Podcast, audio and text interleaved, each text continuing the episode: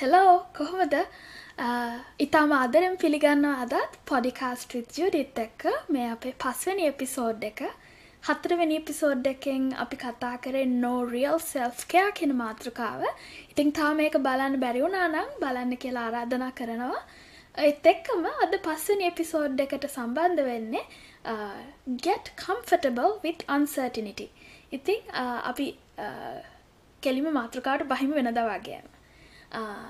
ද මාසකුත් ගිහිල්ල තියෙනෙ දෙදස් විසි එකේ බලනකොට අපි ඇත්තටම මාස දහයක් විතර කාලයක් හරිම අවිනිශ්චිත භාවයෙන් ජීවත් වනා එතකොට අපි මේ අන්සර්ටිනිටිය එකත් එක් අපි දැන් කම්ෆටබල්ද ඉතින් මං හිතනවා හරිම කාලීන මාතෘකාවක් කියලා අද තෝරගෙන තියෙන්නේ.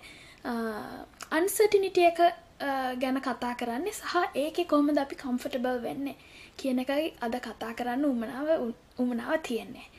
ඉතිං get comfortable with uncertainty කිව්වම මේ කියන මේ ප්‍රකාශය තුළම තියෙනවා මොකක්ද මහ දෙපැත්තක් නැති කතාවක් වගේ. මොකද මේ අවිනිශ්චිත භාවය කියන එක ගොඩ නැගෙන්න කොයි වෙලාවෙදිද?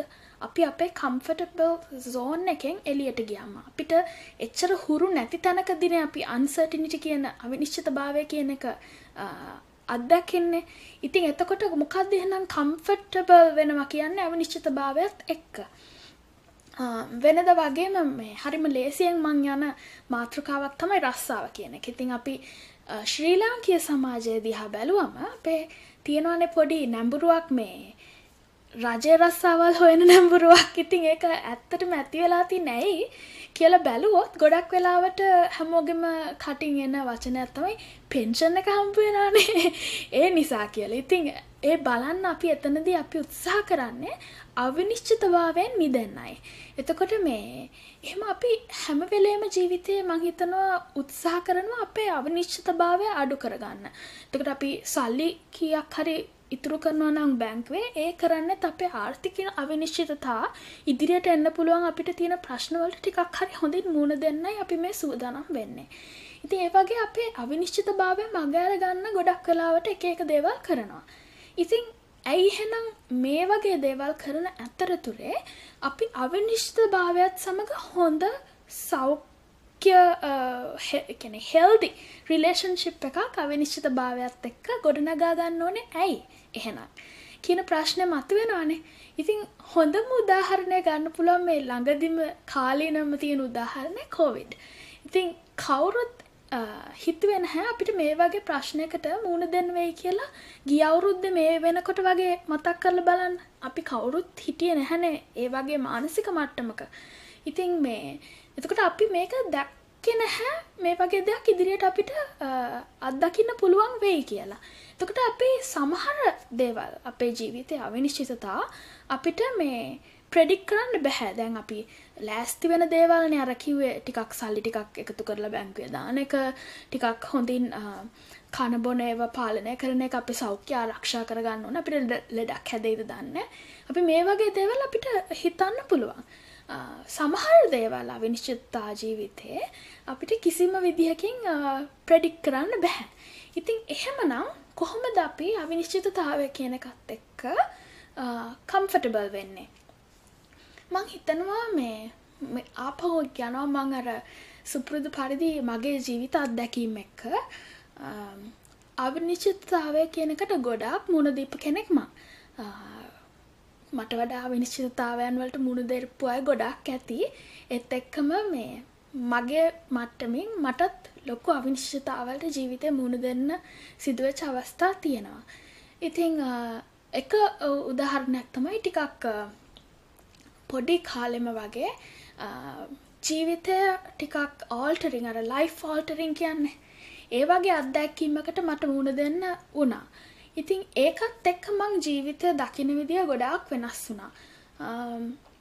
ඉතිං සමහර වෙලාවට ඒ වගේ අත්දැකීම් තියෙනවා ගොඩ දෙනෙක්ට අපි උදාහරණයක් තව ගමුකෝ සමහර වෙලාවට මරණාසන්න මරණාසන්න මොහොතකට අත්දැකීම් ලබපු කෙනෙක් එතනින් එහාට තමන්ගේ ජීවිතය හදාගන්න විදිය හරිම වෙනස්. එයා තමන්ගේ ජීවිතය අලුත්ම විදිහකට දකින්න පටන් ගන්නවා.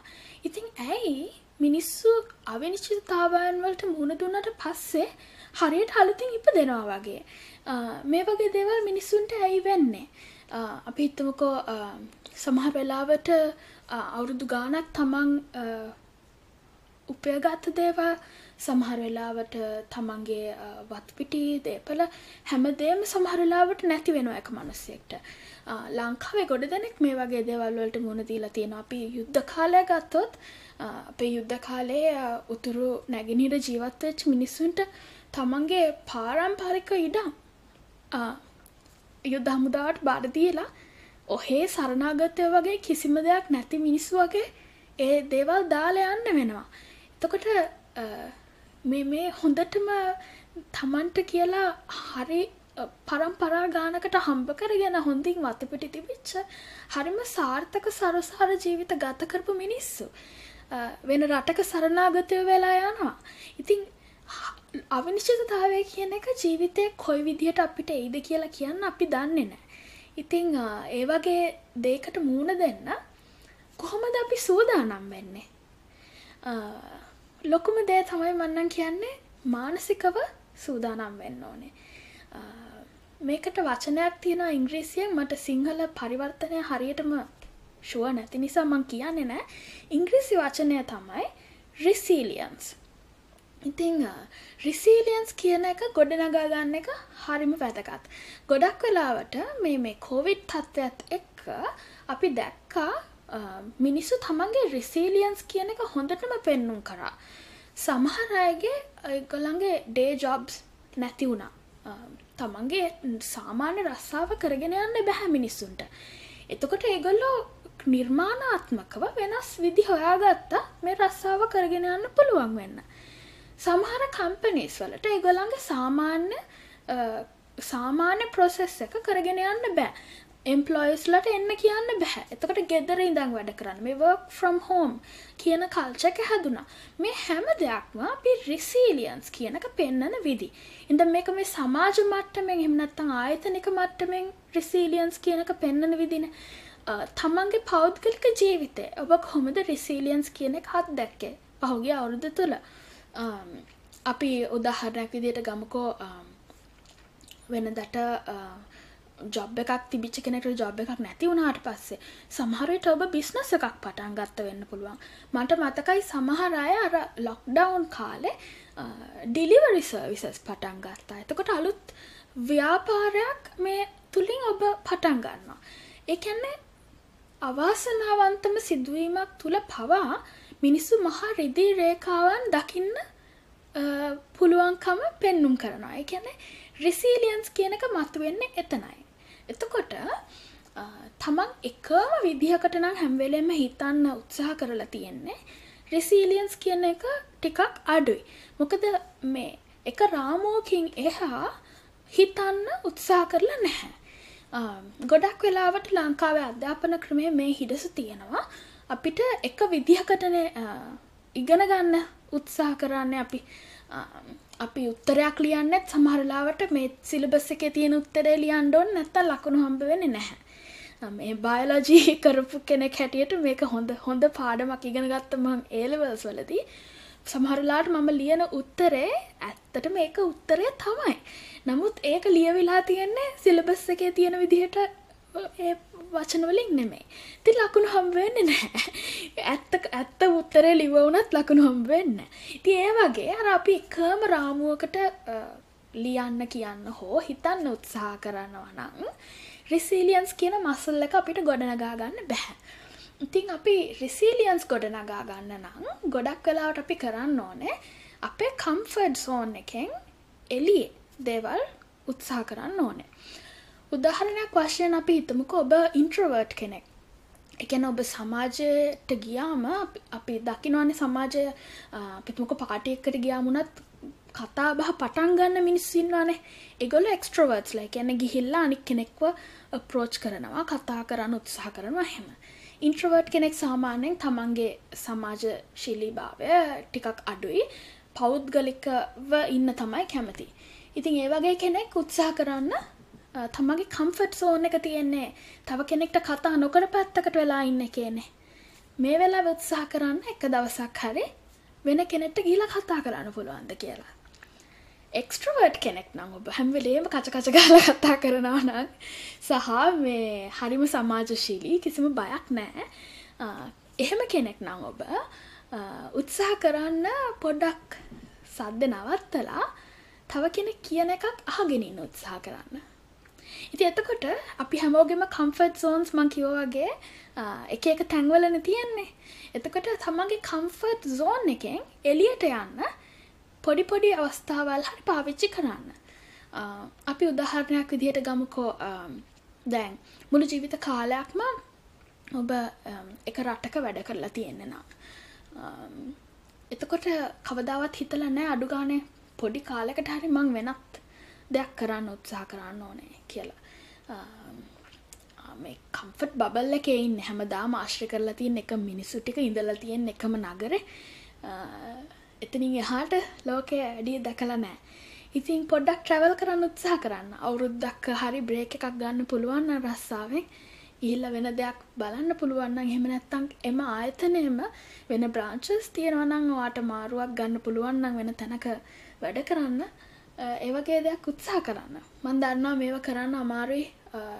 තමන්ට පවුලක් ඉන්න කෙනෙට ඒව හිතන්න ඕනේ. තමන්ගේ ළමයි යන ස්කෝල තියෙනවා. මේ ගැනේ මොකක් හරි තීරණයක් ගන්නකොට අනික් අය ගැනත් හිතන්න ඕනන ඉතින් ඒ තීරණවලින් අපි බැඳිලා ඉන්නවා තමයි ඒ වගේ වෙලාවල් වලදී අමාරුයි. නමුත් තමන්ගේ පර්ය ගැන තමන්ට පුළුවන් මට්ටමේ තමන්ගේ කම්ෆර්ට් සෝන් එකෙන් එලියට යන්න උත්සාහ කරන්න. එතනදි තමයි මේ රිසීලියන්ස් කියන මසල් එක ටිකක් බිල්ඩ් කරගන්න පුළුවන්.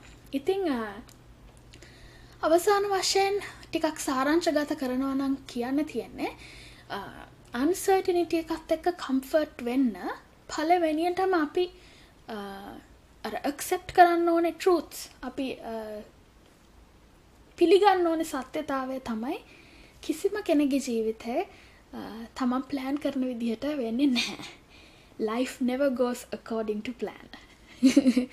ඉතිං අපි කවුරුත් ඇත්තටම බැලුවොත් අපි මුලින් හිතපු තැන නෙමෙයින දැන් ඉන්න මං හිතන්න ඇසියට සියක් හැම්මෝම එකම මනුස්සෙක්වත් ඉන්නවා කියල මේ ලෝකේ තමන් ප්ලෑන් කරපු විදිහටම හරියටම ජීවිතය ගෙන ගිය මොක දැමේ මේ කොවිඩ් ප්‍රශ්නය වුණත් කිසිම කෙනෙක්ගේ කැලන්ඩ ප්ලෑන් එක ගිය අවුරුද්ධ කොවිඩ් හින්දා වෙන්න තිබිච්ච කිසිම දෙයක් තිබුණෙ නැහැ එතකොට සමහරය වෙඩින් ප්ලෑන් කරං හිටියා සමහරය රටයන්ඩ ප්ලෑන් කරං හිටියා ඒ වගේ ගැන සමහරය පවුලක් ආරම්භ කරන්න ප්ලෑන් කරන්න හිටියා මේ කිසිම දෙයක් සමාරයලාට කරගන්න බැරි වුණා.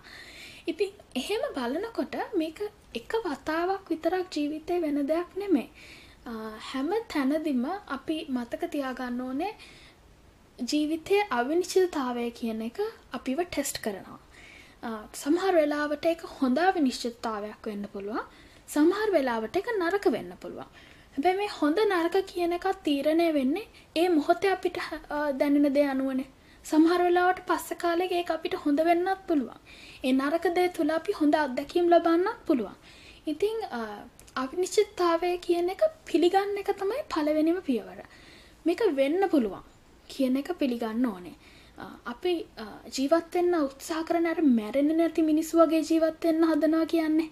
ඒ එහෙමනම් අපි ජීවත් වෙන්නේ අපිට මේක කරන්න අමාරුවේ ඉතිං ලෝකෙ මේ යන විදිහත් එක්ක ඇත්තටම හැපි හැමෝම මේ අවිනිශ්චිතතාවයත් එක්ක තියෙන සම්බන්ධතාවය ටිකක් වැඩි දියුණු කරගන්න එක නොන්ට හුරුයි කියලායි මට හිතෙන්නේ ශ්‍රී ලංකීය ජන සමාජය තුළ අපිට මේක කරන්න ලොකු ලොකු උදව්වක් ඇත්තටම ආගමික මට්ටමෙන් සහ සංස්කෘතික මට්ටමෙන් තියෙනවා.